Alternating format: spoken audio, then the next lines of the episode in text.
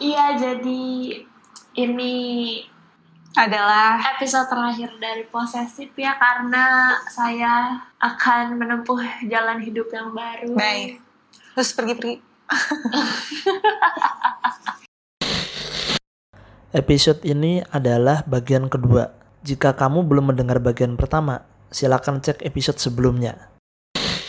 dia butuh identitas sebagai eh, orang yang eh, merasa bisa diperhatikan, terus merasa bisa didengar, terus merasa keberadaannya tuh bisa bermakna bagi orang lain. Nah, wujudnya kan beda-beda nih. Salah satunya adalah menjadi idol ini sih.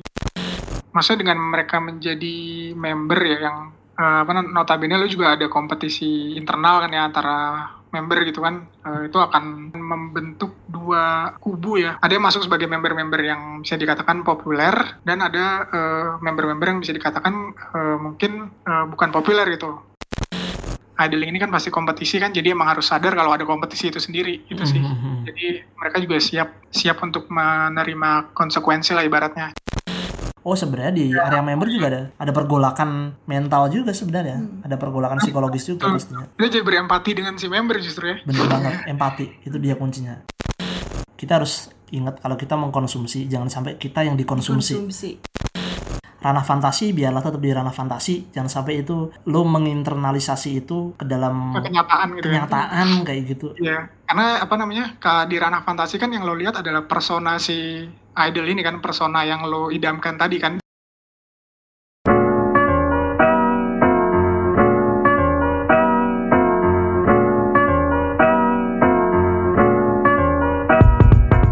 Nah kalau kita tadi berangkat dari kayak misal contoh alasan yang lo kasih di mana lo ngalamin apa ya lo ngidol itu merasakan nyaman suka itu karena lo seperti ngerasain experience di masa-masa sekolah masa-masa muda sebelumnya yang sempat lo terlewatkan gitu ya. Hmm, misal seandainya lu dulu tuh orangnya nggak terlalu so- bersosial nggak terlalu Iya. sering berorganisasi terus misal eh, susah deketin cewek atau susah mengungkapkan perasaan ke cewek enggak. gitu. Ini levelnya udah asumsi nih sampai sini nih. oh enggak ya itu asumsi ya. Sorry sorry sorry. Gue malah jadi berasumsi salah. Bagian bagian cewek itu kita coret. Bagian cewek itu kita coret. Karena itu tadi asumsi gue oke. Tapi apa yang lu jelasin itu sebenarnya tam? Iya. Sebenarnya tam gue nggak mendeng eh, nggak mendengar ini pertama kali tam. Hmm, gue udah pernah eh, denger ini dari eh, salah satu eh, Vice video Vice? Eh, di video Vice itu dia eh, apa namanya dia juga nginterview salah satu fans JKT dan ini se- sebenarnya video udah lawas juga. Kayaknya emang Hmm. video di masa-masa lu ngidol tuh itu kayaknya deh. Video itu pada masa-masa itu juga dan apa yang diomongin sama fans itu mirip apa yang lu jelasin Oh. maksudnya dia beberapa gue nggak bilang mayoritas nggak bilang minoritas tapi berdasarkan apa yang lu omongin dan berdasarkan apa yang diomongin fans di video Vice itu itu Ah.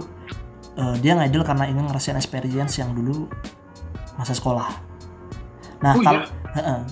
ya bener mirip ya? Iya benar-benar mirip asli benar. Jadi, nah kalau dia ngomongnya juga salah satu bagiannya itu kayak itu tadi eh, berhubungan dengan perempuan. Hmm. Misal dia tuh sering gak bisa ngobrol secara lancar sama perempuan, susah ngungkapin perasaan. Nah itu makanya dia terus kayak menemukan HS, dia ngera- ngerasain HS, ngerasain interaksi sama member itu, itu interaksi yang dulu dia rindukan waktu masa sekolah gitu misalnya, salah satunya. Terus selain itu ya kayak itu tadi hype euforia semangat, semangat semangat, gadis-gadis pakai seragam sekolah, terus fans-fans pada berteriak eh, ngecen kayak gitu, experience itu dia juga ngingetin kayak ya itu. Masa-masa Oh, oke, oke. yang Oh, cuman mungkin eh, sedikit perbedaannya sama gua eh, si yang di video Vice ini dia si orang ini tuh dia nganggep eh, dia nganggep apa namanya JKT48 tuh sebagai eh, interaksi ke lawan jenis ya. Kalau gua nganggapnya adalah sebagai gua sebagai bagian dari JKT48 jatuhnya. Mhm, Nah benar, itu benar. tuh mungkin perbedaannya di situ ya ininya. Iya, Karena gue jadi apa semangat untuk melakukan aktivitas apa gitu kan jadi kayak- ya udah gue bagian dari si JKT48 yang punya semangat apa namanya dan euforia gede itu waktu itu. iya, iya, benar, benar, benar. Eh, ya bedanya kalau misal yang lu tuh ke cenderung ke hak osi, kalau Hmm. misal orang yang itu tadi dia eh, memiliki osi gitu. Punya Oh, OSI tertentu jadi misal kayak gitu. Ya ya ya, ya. Gue ngerti ada ada ada ada titik perbedaan di situ sih ada titik perbedaan. Ya, Hmm. oke menarik, oke. menarik tapi. menarik menarik. Abis ini. Habis ini lo cari aja di YouTube ada ada Vice di TV Forte. Gue lupa tahun berapa itu udah lama juga nontonnya sih. Em, nah, eh, kita tadi dari tadi udah bahas tentang dari ranah fans-fans gitu ya. Maksudnya sudut pandang psikologi sosial dari area fans. Nah, gue tuh sekarang pengen nyoba ngegali dari area membernya sendiri. Nah, area member nih, gue tuh penasaran sebenarnya. Em, member-member ini kenapa memilih jalan menjadi idol? Apakah mereka benar-benar menikmatinya? Dan kira-kira ketika mereka sangat nyaman banget di atas panggung, eh, banyak banget yang mengeluh-ngeluhkan nama mereka tuh, itu tuh ada fenomenanya nggak ya? Kalau misal manusia tuh beberapa orang memiliki emang karakter ingin menjadi idola gitu. Heeh. Nah itu gimana tuh ngomong lihatnya Tam? Mungkin sebenarnya eh, pada dasarnya manusia memang membutuhkan hal tersebut gitu kan. Eh, ini kan mungkin bisa dilihat sebagai identity achievement ya. Maksudnya eh, pencapaian dia sebagai identitas gitu. Dia butuh identitas eh, apa namanya sebagai eh, orang yang eh, merasa bisa diperhatikan, terus merasa bisa didengar, terus merasa keberadaannya tuh bisa bermakna bagi orang lain. Nah, wujudnya kan beda-beda nih. Salah satunya adalah menjadi idol ini sih. Jadi eh, dasarnya tuh manusia memang punya kebutuhan untuk itu kan. Kalau dari hierarki kebutuhan tuh eh, dia butuh apa ya ibaratnya? Gua agak lupa fasenya. Jadi eh, fase pertama itu kan manusia memang butuh eh, fisiologis ya. Fisiologis tuh maksudnya pemenuhan apa namanya? eh, kebutuhan fisik, makan, minum gitu kan, tidur Hmm. terus eh, naik lagi ke tingkatan berikutnya gitu sebagai kebutuhan eh, security merasa secure gitu mereka bisa diterima di dunia ini nah ini kalau nggak salah ada di bagian yang kalau nggak salah se- eh, kebutuhan untuk belongingness-nya itu loh. Eh, jadi mereka bisa bisa diterima oleh orang lain tuh sebagai eh, eh sorry sorry. Bisa diperhatikan sama orang lain atau merasa bisa didengar sama orang lain. Gue rasa sih sampai sampai di situ ya ininya ya kebutuhannya ya. Cuman jalurnya beda-beda kan kalau ngelihat dari interview-interview awal member tuh kan mereka juga banyak beberapa mungkin bilang kayak eh, awalnya nyoba-nyoba atau apa gitu kan sebenarnya jadi mereka sebenarnya kan mungkin mencari mencari apa sih namanya eh, identity achievement-nya itu nah salah satu jalan yang ditempuhnya adalah idol kan gitu Mhm. sih mungkin ya mungkin aja kalau nggak masuk idol ya dia, dia akan tetap mencari tapi di jalur lain gitu kan entah itu sebagai eh, ketua apa pun gitu atau sebagai apa Oh, yang oke, oke. memenuhi kebutuhannya sih Oke oke. gue rasa itu ya Iya iya iya iya. Jadi kalau misal JKT48 ini salah satu jalannya, tapi eh, beberapa orang emang kalau Hmm. tadi kalimatnya berarti identity achievement ya, ya pencapaian. semacam identitas ya pencapaian lah atau ya pencapaian diri sih Oke sebenarnya oke. Eh, love and belonging lah Hmm. kalau di kalau di kalau di apa namanya hierarki kebutuhan itu tuh tadi love and belonging Hmm. merasa dicintai atau merasa di apa namanya dimiliki oleh eh, orang-orang gitu kan Eh, jadi dia juga bukan bukan Hmm. menjadi lone wolf yang sendirian gitu kan ibaratnya tapi dia menjadi eh, orang yang juga dimiliki oleh, oleh orang lain dan dicintai oleh orang lain gitu kan kebutuhannya Oke oke. Nah, cuma emang dengan menjadi idol ini kebutuhan untuk dicintainya itu bisa jadi bisa dosisnya tuh bisa jadi berkali-kali lipat kan tiba-tiba gitu kan. Hmm. itu yang mungkin bakal jadi apa ya kalau kita ngelihat dari dampaknya mungkin bagus itu di awal, tapi mungkin ada dampak lain yang juga yang terjadi gitu kan. Yang itu mungkin nggak nggak tahu apa tuh. Kayak mas gue secara instan loh tiba-tiba eh, kebutuhan untuk dicintainya itu meningkat beberapa kali lipat gitu. Wah itu tuh itu tuh poin menarik tuh. Itu eh gue dari ngamatin itu ada beberapa member pernah ngomong eh, Hmm. eh, alasan grade dia itu karena Hmm. ketidakcocokan dengan konsep idol. Hmm, ada pernah gue ada salah satu member ya kita nggak usah sebutkan namanya nanti kita Oh. obrolin itu off record aja. Dia pernah ngomong gitu. Ah juga kalau nggak ada, tenang aja. dia ya dia jadi eh, salah satu member ini tuh menyebut kalau dia tidak nyaman dengan konsep idol. Tidak cocok lah.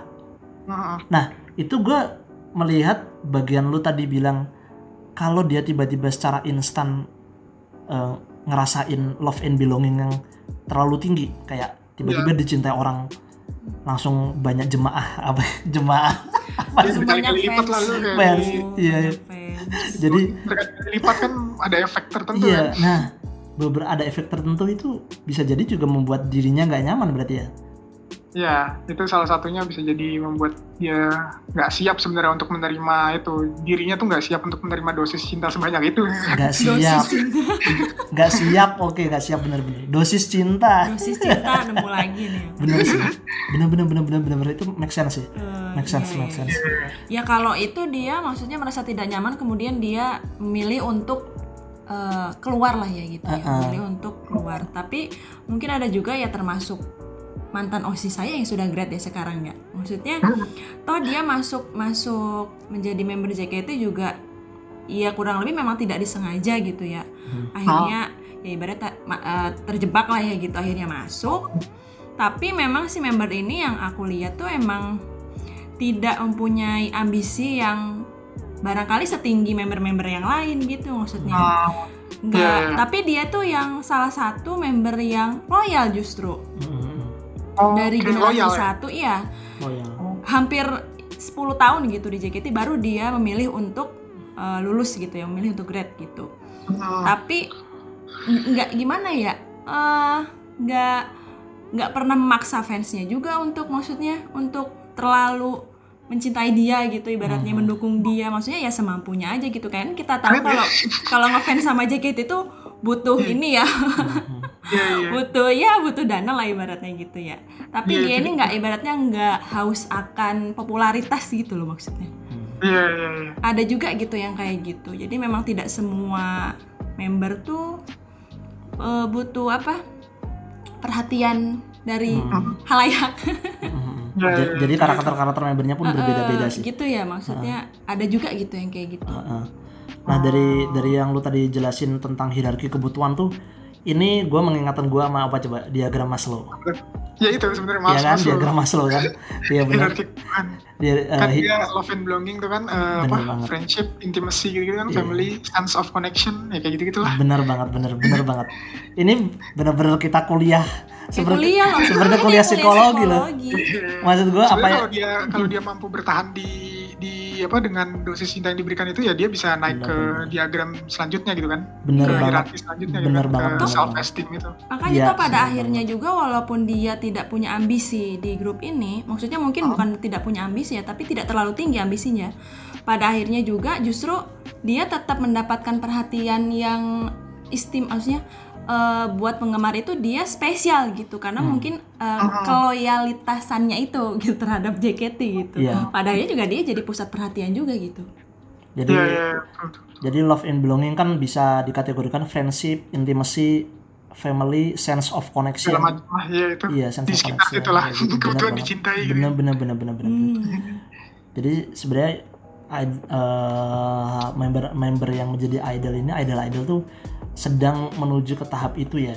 Jadi kebutuhan Iya. di mana physiological needs tuh udah eh, apa ya terpenuhi. Terus kemudian Ah. dia menuju ke safety needs. ya Nah, terus kemudian menuju ke tahap selanjutnya love and belonging. Nah, tahap menjadi idol tuh berarti udah menuju ke tahap love and belonging ya. sebenarnya antara love and belonging dan self esteem itu sih mungkin ya Self esteem. kayak uh, uh, penerimaan di apa eh, penerimaan diri oleh masyarakat gitu kan Oke. karena emang usia-usia apa namanya usia-usia kan banyak kan usia-usia ini ya remaja ya Remaja. Mhm. kan usia-usianya baru apa berkompetisi dengan dunia luar gitu kan jadi masih mencari penerimaan dari dunia luar gitu ibaratnya Oke, Kalau- penerimaan dari kalau di- dunia luar. kalau di iya kalau di apa usia anak-anak kan memang eh, penerimaannya itu dari orang tua kan masih stick ke orang tua gitu kan yang Mhm. usia kecil anak-anak eh apa balita sampai anak-anak lah gitu Mhm. ya mungkin kalau udah remaja kan udah dia mulai mulai terlibat lebih jauh dengan dunia luar Mhm. udah mulai berkompetisi dengan dunia luar ya butuh penerimaan dari dunia luar itu dia salah satu caranya dengan menjadi idol ini nih Iya iya iya. Jadi sebenarnya eh, kita sebagai fans pun harusnya juga mencoba memahami eh, bagian itu ya ke idol. Hmm. Maksudnya kayak dia pun mengalami perkembangan mental yang dialami sendiri gitu. Mm. Maksudnya tuh dia mengalami tahapan eh, hierarki kebutuhan seperti tadi yang itu akan seiring tercapainya satu dia akan menuju ke tahap selanjutnya dan Hmm. itu Iya itu eh, nah itu tuh ya itu bagus tuh kalau misal Masalahnya dosisnya itu aja. nah dosisnya itu bener Bisa terima, ada yang bisa nerima dosisnya, ada yang nggak bisa nerima dosisnya. iya bener ada banget yang bener. muncul efek samping. iya bener-bener ada yang muncul efek samping rebel-rebel gitu misalnya. Iya memberontak itu itu itu itu real sih tam. Gitu ya? maksud gue maksud gue case-case itu benar. Kalau ketika dosisnya tidak bisa di maksudnya tiap karak tiap orang kan tiap member itu juga punya dosisnya masing-masing kuatnya seberapa kan. Hmm. kadang-kadang kalau misal kita masalah membernya itu eh, nggak kuat dengan dosis itu bisa jadi ada pemberontakan-pemberontakan kecil atau tidak nyaman kayak gitu kan Hmm. Iya kira-kira menarik. gitu sih. menarik menarik menarik Tapi kayaknya semakin tinggi dosisnya tuh level akan kecewanya juga kecewanya juga. makin tinggi oh Karena maksudnya misal si member yang udah terbiasa di level atas lah ibaratnya, Oke. member kelas atas gitu ya. Pada saat dia turun sedikit aja gitu, Hmm. kayaknya itu kecewanya justru besar gitu. Karena dia udah terbiasa tidak tergeserkan oleh member-member lain. Karena dia udah mengejar Mungkin masalahnya di situ tuh. Eh, gimana gimana tan hmm. Oh ya mungkin apa mungkin masalahnya ya ketika dia udah di atas itu dia terbiasa jadinya. Itu tuh. Jadi mungkin harusnya emang nggak terbiasa kan dengan itu. Jadi dia juga nggak akan menerima apa eh, kekecewaan tuh ketika emang polanya nanti udah berubah gitu kan. Pola yang terjadi. Oke Jadi oke si terbiasa ini yang seharusnya harus dihindari tuh. Karena emang mau nggak mau dia ada di Gimana? atas juga Paham nggak? karena dorongan ya selain dorongan eh, manajemennya gitu kan, ya dorongan fans juga ya Iya. nggak mau sih sebenarnya. itu kalau kita hubungin Iya. sama diagram Maslow tadi emang eh, ketika kebutuhan yang eh, layer bawah udah kecapai dia pasti mengejar layer ke atas nah ketika dia udah sampai di layer atas ketika layer atasnya itu nggak tercapai dia akan turun ke layer bawah itu rasanya biasanya orang nggak bisa nerima dengan gampang gitu Hmm, gitu sih Nah itu tuh. Benar benar benar iya benar sih. Makanya aku kenapa senang sama si Osi aku ini. nah Oke dia mungkin eh, bisa dibilang yang jarang sampai posisi atas gitu ya. hmm, Jadi aku ngelihatnya dia maksudnya eh ya nggak tahu ya maksudnya dia pernah pastilah pernah kecewa atau apa gitu. Tapi maksudnya tidak sampai ke level yang eh, yang terlalu sampai bikin dia depresi atau gimana gitu Oke, ya udah oke. lempeng-lempeng aja gitu maksudnya sampai akhirnya dia grade itu gitu Oke, nah gue sekarang ada pemikiran nih, pemikiran. Maksud gue pertanyaan lagi, eh, masih di area member lah ini, masih di area member. Gimana sih eh, jadi seorang idol itu akan mempengaruhi perkembangan mental mereka itu? Menurut lu gimana lo? Maksud gue dengan menjadi seorang idol tuh eh, pengaruh ke perkembangan mental mereka itu gimana tam? Ya pasti apa namanya?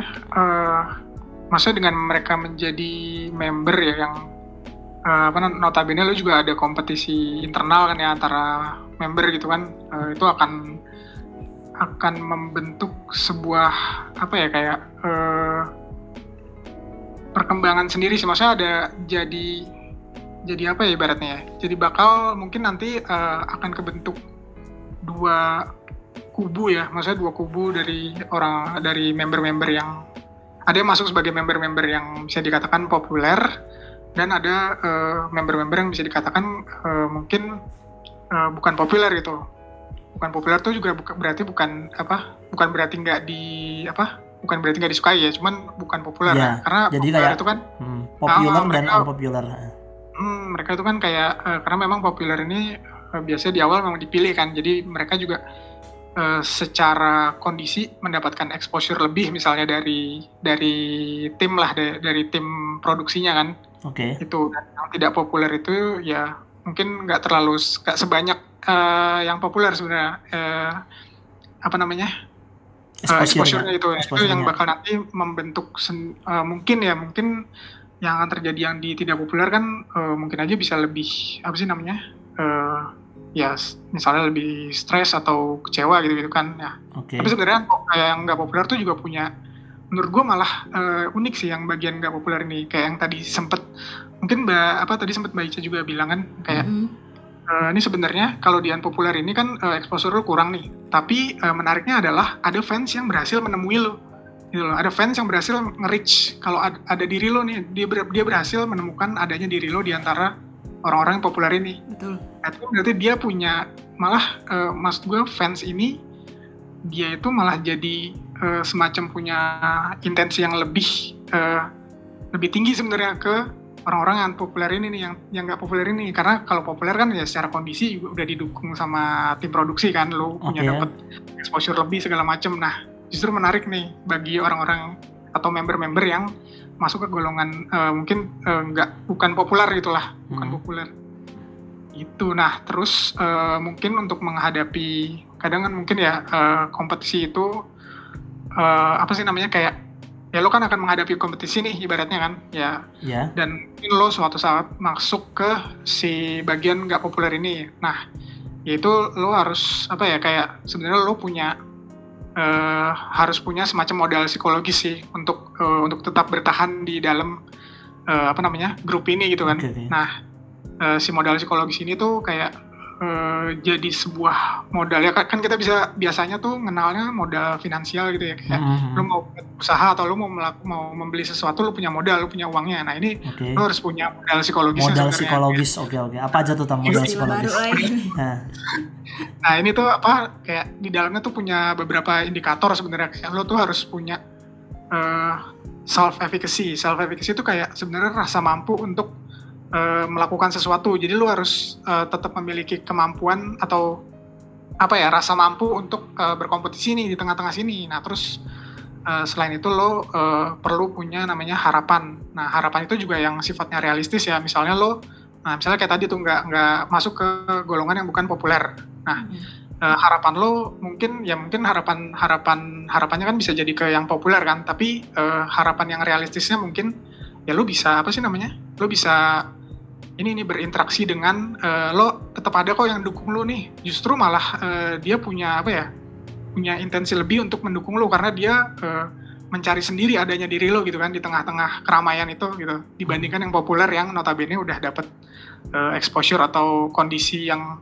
lebih eh, memungkinkan untuk di reach sama people gitu sama orang-orang. Nah terus lo juga perlu punya optimisme sendiri sebenarnya optimi- optimisme eh, untuk tetap apa namanya berkompetisi di dalam eh, grup itu tersebut. Nah terus sama terakhir adalah resiliensi atau ketangguhan nih.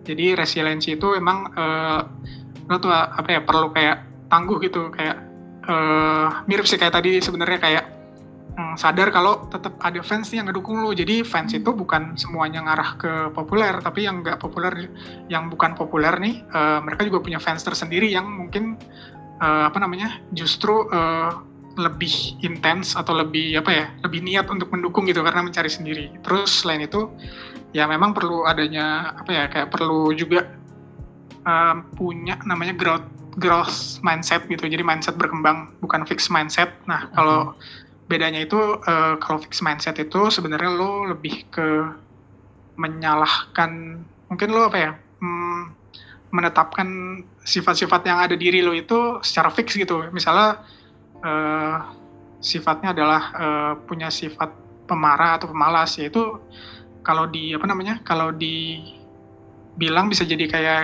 kayak oh gue kan gue pemarah. Wajar dong gue kayak kalau gue kayak gini. Nah itu kan kayak fixed mindset kan. Nah Oke. sebenarnya yang yang perlu lo punya adalah growth mindset tuh yang kebalikannya. Kalau nah iya benar-benar. Growth bisa mindset. diri lo kok sebenarnya. Lo bisa Bener berkembang. banget, bener-bener. jadi yang lebih baik jadi versi yang lebih baik jadi versi diri yang lebih baik gitulah Iya, iya, ibaratnya. iya, iya. nah gitu sih. Terus ya ya gitu sih pasti emang karena masuk ke idling ini kan pasti kompetisi kan jadi emang harus sadar kalau ada kompetisi itu sendiri. Gitu sih. Mhm. jadi mereka juga siap apa siap untuk menerima konsekuensi lah ibaratnya. Cuman eh, ketika udah menerima konsekuensi itu ya eh, kemampuan untuk belajarnya lagi itu tuh mengevaluasi apa yang diterima menjadi apa namanya pembaharuan lah atau pembelajaran biar lebih baik. Gitu sih paling menarik sih. Itu menarik tadi banget. itu bagian growth mindset itu bagus banget tadi. Di mana beberapa orang kan eh, sering terjebak dalam fixed mindset ya. Kayak gue misal orangnya tuh pemarah gue orangnya teledor kayak gitu. Gue terus kayak misal ya gue emang kayak gini lu mau nerima gue apa adanya atau enggak? Ah itu sering tuh fixed mindset menjebak tuh. Hmm. jadi eh, kenapa tidak dia kalau misal kalau misal kekurangannya itu adalah sifatnya itu nggak positif misalnya kayak sesuatu keteledoran sesuatu yang eh, pemarah atau apa kayak gitu itu kan hmm, kurang positif ya sebagai emosi ya. Nah itu kenapa kalau misal dia cuma fix mindset ya dia akan tetap kayak gitu aja. Terus kayak tidak mau disalahin gitu. Maksudnya kayak ini ada di gua apa adanya. Nah kalau dengan pemikiran growth mindset itu tuh misal lu orang trader lu akan mencoba bikin catatan-catatan kecil untuk mengingat sesuatu. Hmm, lu kalau misal lu misalnya Mm-mm.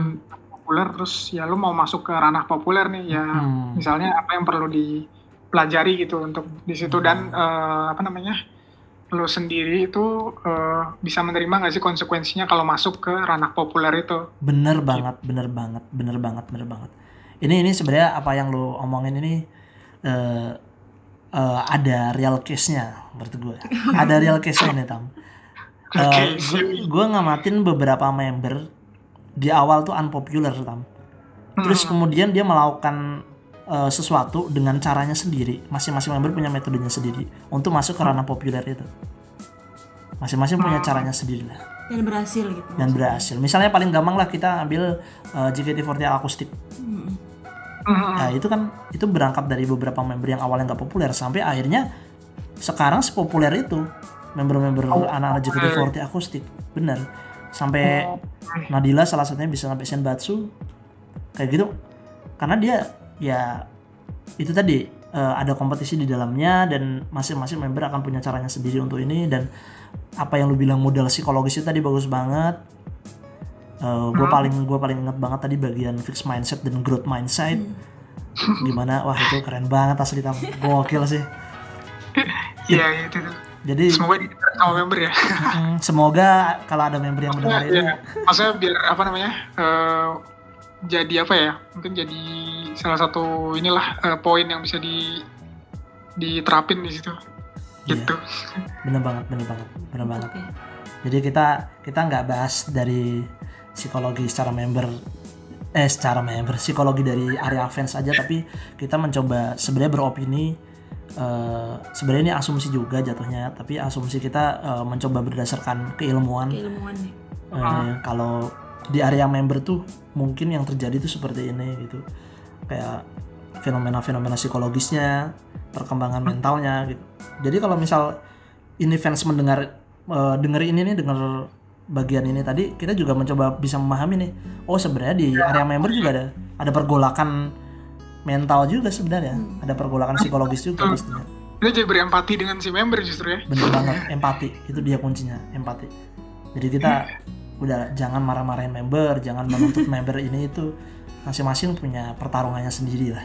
Terutama sih kalau yang menarik aku jadi inget gitu ya pernah dengar dari salah satu member eh, jadi dia itu sebenarnya nggak su nggak suka tiap ada eh, event Sosenkyo oke. Jadi pemilihan member Senbatsu berdasarkan voting. Jadi katanya tuh tiap udah dibuka sesi voting itu Hah? itu dia tuh kayak ngerasa eh, teman-teman sesama member itu semuanya kayak berubah. Oh gitu? Ada ada yang pernah ngomong gitu? Iya. Oke. Salah satu member udah ngomong gitu aku jadi maksudnya berubah gimana nih maksudnya? Jadi mungkin eh, apa sifat kompetisinya itu lagi tinggi tingginya itu pada saat eh, itu masuk Sosenikyo itu event Sosenikyo itu. Jadi mungkin kan pasti itu ya kan pada kampanye tuh ya ibaratnya kan istilahnya kampanye ya maksudnya kayak menarik eh, banyak fans biar voting dia gitu voting biar dia tuh masuk gitu. Jadi dia tuh malah sampai nggak suka dia nggak suka gitu.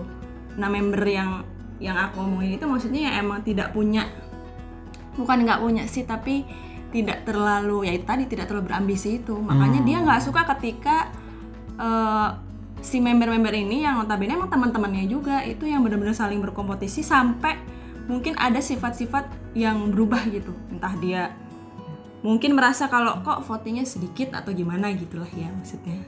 Iya kayak gitu. ya oke oke. Menarik menarik menarik. Nah gue sekarang menuju ke bagian segmen penutup nih Asik. Se- segmen penutup karena tidak terasa kita sudah ngobrol satu jam kuliah kuliah psikologi kuliah psi- psikologi ngidoling nih ini psikologi ngidoling. Bener banget. Menarik soalnya. Nah, eh, ini seperti biasa gue pengen sebenarnya eh, tiap episode di podcast ini tuh emang kita pengennya membangun eh, insight baru atau sebuah semangat untuk balai bingo yang dengerin kalau ini tuh bisa jadi renungan buat eh, kita ngidol selanjutnya. Nah, gimana sih kita eh, nyikapin kegiatan ngidol ini biar kesehatan mental kita nih, maksudnya kesehatan mental kita itu tetap terjaga dan terkontrol. Hmm. Hmm. Terkontrol sih terutama yang paling penting banget tuh. Iya, iya, iya. Gimana tuh? emang apa ya mungkin sebenarnya tahap pertama yang harus dilakukan tuh emang harus sadar ya. Maksudnya sadar ketika lo lo ini eh, sedang mengkonsumsi sesuatu nih. Nah jangan sampai eh, level kesadaran itu berubah jadi lo yang dikonsumsi sama si eh, sesuatu itu gitu kan. Kayak misalnya ngidol ya udah lo eh, mungkin istilahnya kayak active consuming ya. Ya udah lo mengkonsumsi secara aktif nih secara sadar lah diri lo lo tuh lagi mengkonsumsi lo tuh lagi apa namanya lagi eh, menikmati sesuatu lah. Jadi bukan sam- jangan sampai lo tuh dinikmati sama si eh, ngidling itu sendiri. Yang membuat lo tuh akhirnya melakukan hal-hal apa ya? Kayak di kayak di luar kontrol lah. Kayak ya mungkin bisa dibilang jadi kayak adiksi gitu kali ya? Itu nggak? Atau Hmm, benar benar benar benar. benar. ya kalau lo adiksi sebenarnya adiksi itu kan eh, develop ya. Maksudnya lo yang ngembangin sendiri gitu kan Hmm. Eh, dia nggak muncul secara tiba-tiba cuman eh, bertahap lo akan me, me- apa namanya mendevelop itu lo akan mengembangkan si keadiksian ini jadi kayak kenapa akhirnya itu muncul karena eh, lo punya asosiasi tertentu ketika ngidol yang eh, apa namanya yang harus diwujudkan ketika ngidol aja gini loh kayak analoginya mungkin kayak makan ya Hmm. makan itu kan eh, apa namanya eh, harfiahnya gitulah ya literalnya itu kan membuat lo kenyang kan Ya. nah sekarang kan makan itu eh, levelnya bukan lagi membuat lo kenyang aja tapi ada yang membuat lo fun ada yang membuat lo kehilangan stres menghilangkan stres gitu kan Hmm. sebenarnya sama kayak ngidling tuh sebenarnya kayak makan ini eh, si orang-orang ini yang nggak bisa ngontrol kan mungkin makan itu karena dia udah bukan lagi ngincer kenyangnya tapi dia ngincer senengnya kan gue Oke. seneng makan ini nih makanya eh, pra- apa namanya meskipun dia udah kenyang dia akan tetap nyari makan tuh si binge eating kayak binge eating gitulah. Karena dia eh, butuh nyari apa namanya butuh nyari si kesenangan itu dari makan gitu. Oke, nah oke. sama kayak ngidol ini sebenarnya. Jadi lu eh, udah keasosiasi kalau ngidol itu sama dengan kesenangan gitu kan. Lu nggak punya nggak punya ibaratnya nggak punya aktivitas lain yang bisa dilakuin dilakuin gitu. Hmm, hmm. lu nggak nggak kepikiran aktivitas lain yang eh, ternyata aktivitas lain tuh juga eh, ada porsinya loh yang bisa membuat lu seneng gitu kan Hmm. dia cuma nyari ke sini jadi kayak eh, pelarian gitu lah ya ibaratnya jangan jadiin si ngidling ini malah jadi salah satu pelarian lu yang mungkin mungkin lo nggak nyadar itu kalau itu sekarang sebagai pelarian lu ya karena lu masih konsum gitu aja gitu kan ya Hmm. itu yang perlu disadari sekarang kayak lu tuh menjadikan ngidling ini sebagai apa sih namanya eh kenikmat atau bukan kenikmatan ya bahasa kenikmatan ya menikmati lo menikmati idling ini atau sebenarnya lo eh, melampiaskan emosi lain ke idling ini nih. Hmm. itu sih sebenarnya. Jadi eh, apa level sadarnya itu yang harus di ya sadari dulu lah kalau ngidol ini ya. Lo menikmati bisa jadi semangatnya musik-musiknya eh, jangan sampai dikonsumsi yang lo harus ngeluarin apa ya tenaga atau waktu yang mungkin sia-sia untuk si ngidol ini nih. Nah gue sih nemu quotes ini juga nih ya quotes yang dari salah satu drama Korea nih Records of Youth Oke. dia tuh kan ceritanya kayak eh, dia tuh jatuh cinta sama idolnya kan sama idolanya kan Hmm. pada akhirnya dia eh, bilang ke idolanya ini nih Hmm. si idolanya ini juga ternyata jatuh cinta balik nih sama si fansnya ini nih Wow. Yoi, akhirnya si fansnya Oke. ini eh, ada quotes yang gue tangkap waktu itu kayak ya udah eh, ranah fantasi biarlah berada di ranah fantasi gitu. Jangan sampai dia jadi kenyataan. Karena lo nggak akan lagi melihat dia yang kayak lo apa idamkan. Gitu sih. Oke. kayak Menarik, menarik. Jadi ranah fantasi biarlah di ranah fantasinya aja. Jadi kayak lo ngidling ya udah biarlah itu jadi idol jangan sampai lo eh, internalisasi ke diri lo kayak misalnya bisa jadi kenyataan nih berhubungan gitu. Oke, oke, oke. punya hubungan dengan DKT atau Iya iya iya. Luar biasa, luar biasa.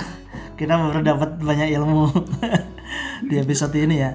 Gue suka bagian tadi lo ngomong eh, kita harus ingat kalau kita mengkonsumsi jangan sampai kita yang dikonsumsi. Konsumsi. Itu bener Iya. bener banget. Itu poin itu gue suka.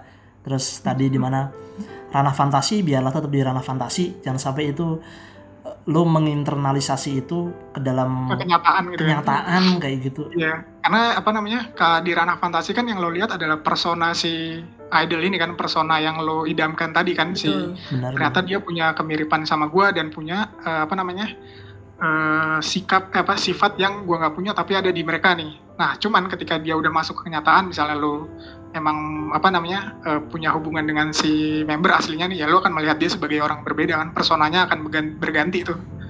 Jadi ya lo akan melihat juga ketidaksempurnaannya. Karena yang ditunjukkan hanya kesempurnaannya aja kan.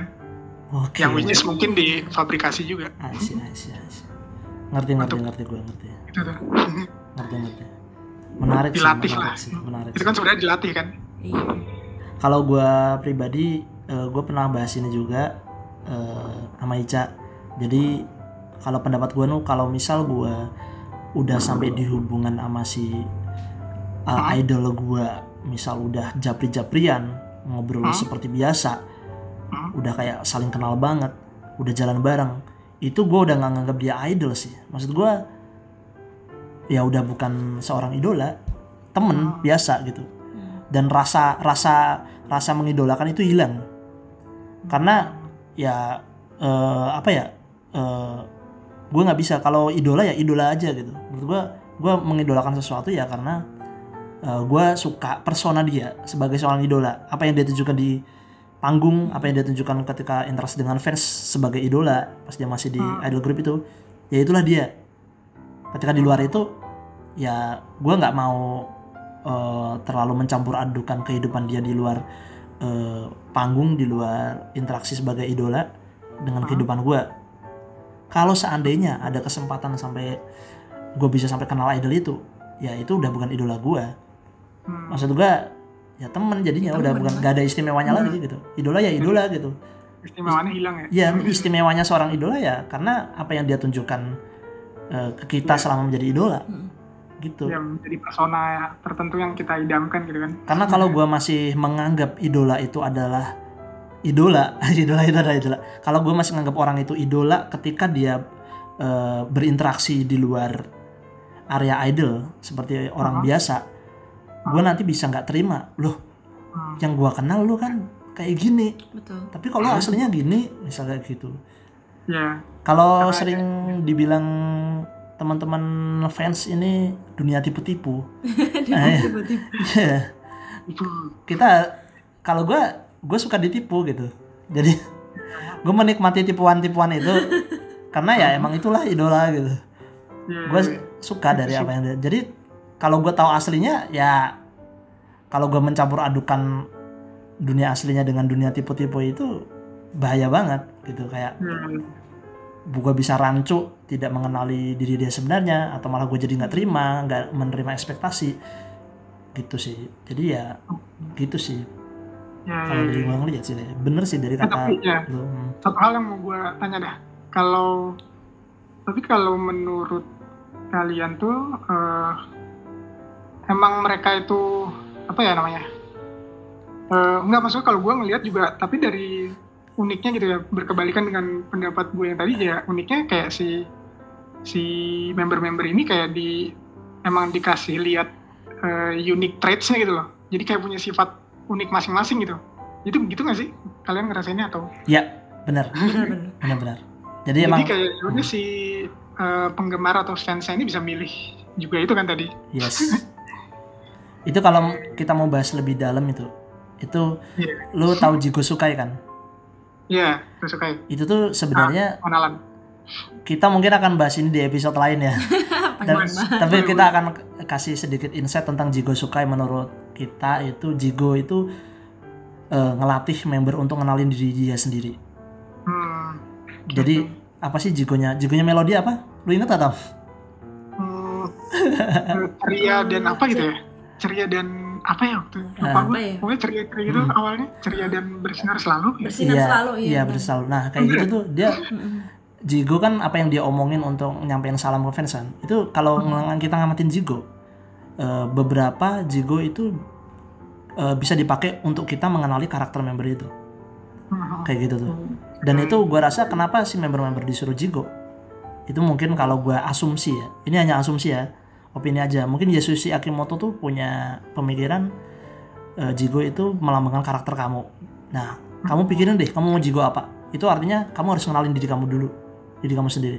Nah ketika dia udah kenalin diri sendiri ditujukan dengan Jigo Jigo tuh simboliknya. Nah kemudian apa yang dia tunjukkan ke para fans itu terbentuk dari situ. Awalnya dari Jigo kemudian dia mengenali diri sendiri terus dia ngebentuk branding personalnya Personal sendiri heeh, personal brandingnya ke fans. Oh dia si karakter Nabila misal ceplos-ceplos misal kayak gitu.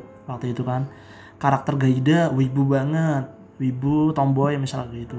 Baby itu sangat pekerja keras dance nya juga eh, kuat banget. Nah karakter-karakter itu kan kebentuk akhirnya membuat kita kayak ya itu tadi fans yang milih-milih oh karakter-karakter ini unik gitu.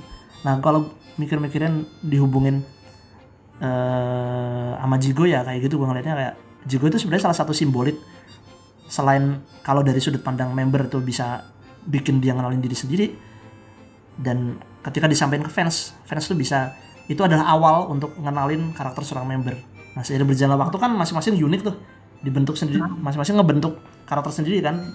Itu emang benar sih Tam. maksudnya masing-masing tuh di unique traits kayak gitu. Oke. I see I see. Menarik tuh ada yang tunggu deh di bahasan selanjutnya. Ada ada yang mungkin ya. kenapa kenapa?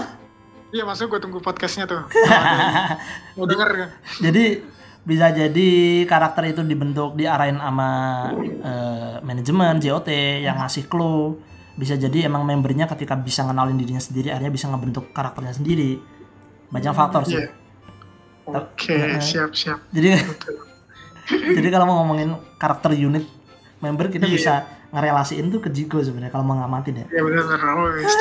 Jigo Sukai Jigo Sukai oke Oke nih. Oke oke oke. Ya kayaknya wah, udah lumayan lama kita ngobrol ya. Ini serius nih banyak banget bahasannya nih. Oh, ini nggak kerasa Jadi, ya iya. Nggak kerasa banget nih, satu jam Bisa, lebih. bisa-bisa kapan-kapan ini sebenarnya diangkat jadi beberapa part kali.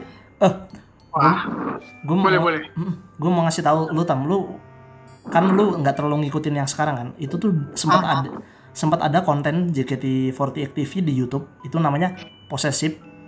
Ah. It- itu podcast seputar psikologi. oh tahu gue pernah nemu tuh Pernah nonton? Nah, Mhm. yang bawain kan itu dua member kan, Baby sama Gaby. Baby sama Gaby. Nah, itu sebenarnya adalah salah satu segmen favorit gua. Gitu. Oh, Tapi saya sekarang sekarang udah tutup karena Baby udah great. ha, Baby udah grade. oh eh, oh si- eh, siapa baby ya? Baby, baby. Baby Baby udah grade. oh, oke oke Makanya Tutup sebenarnya ha. Hmm. Jadi ini sebenarnya episode ini adalah awal dari podcast putar psikologi yang baru dari sudut pandang fans. Iya bener-bener. iya iya iya iya. mungkin lo ngundang babynya kali ntar Ya, wah kita seperti remah-remah Sulit. Tapi kita pengen banget seandainya baby yang udah menjadi ex member kalau mendengar podcast ini dan suka tertarik ngobrol sama kita boleh lah ya.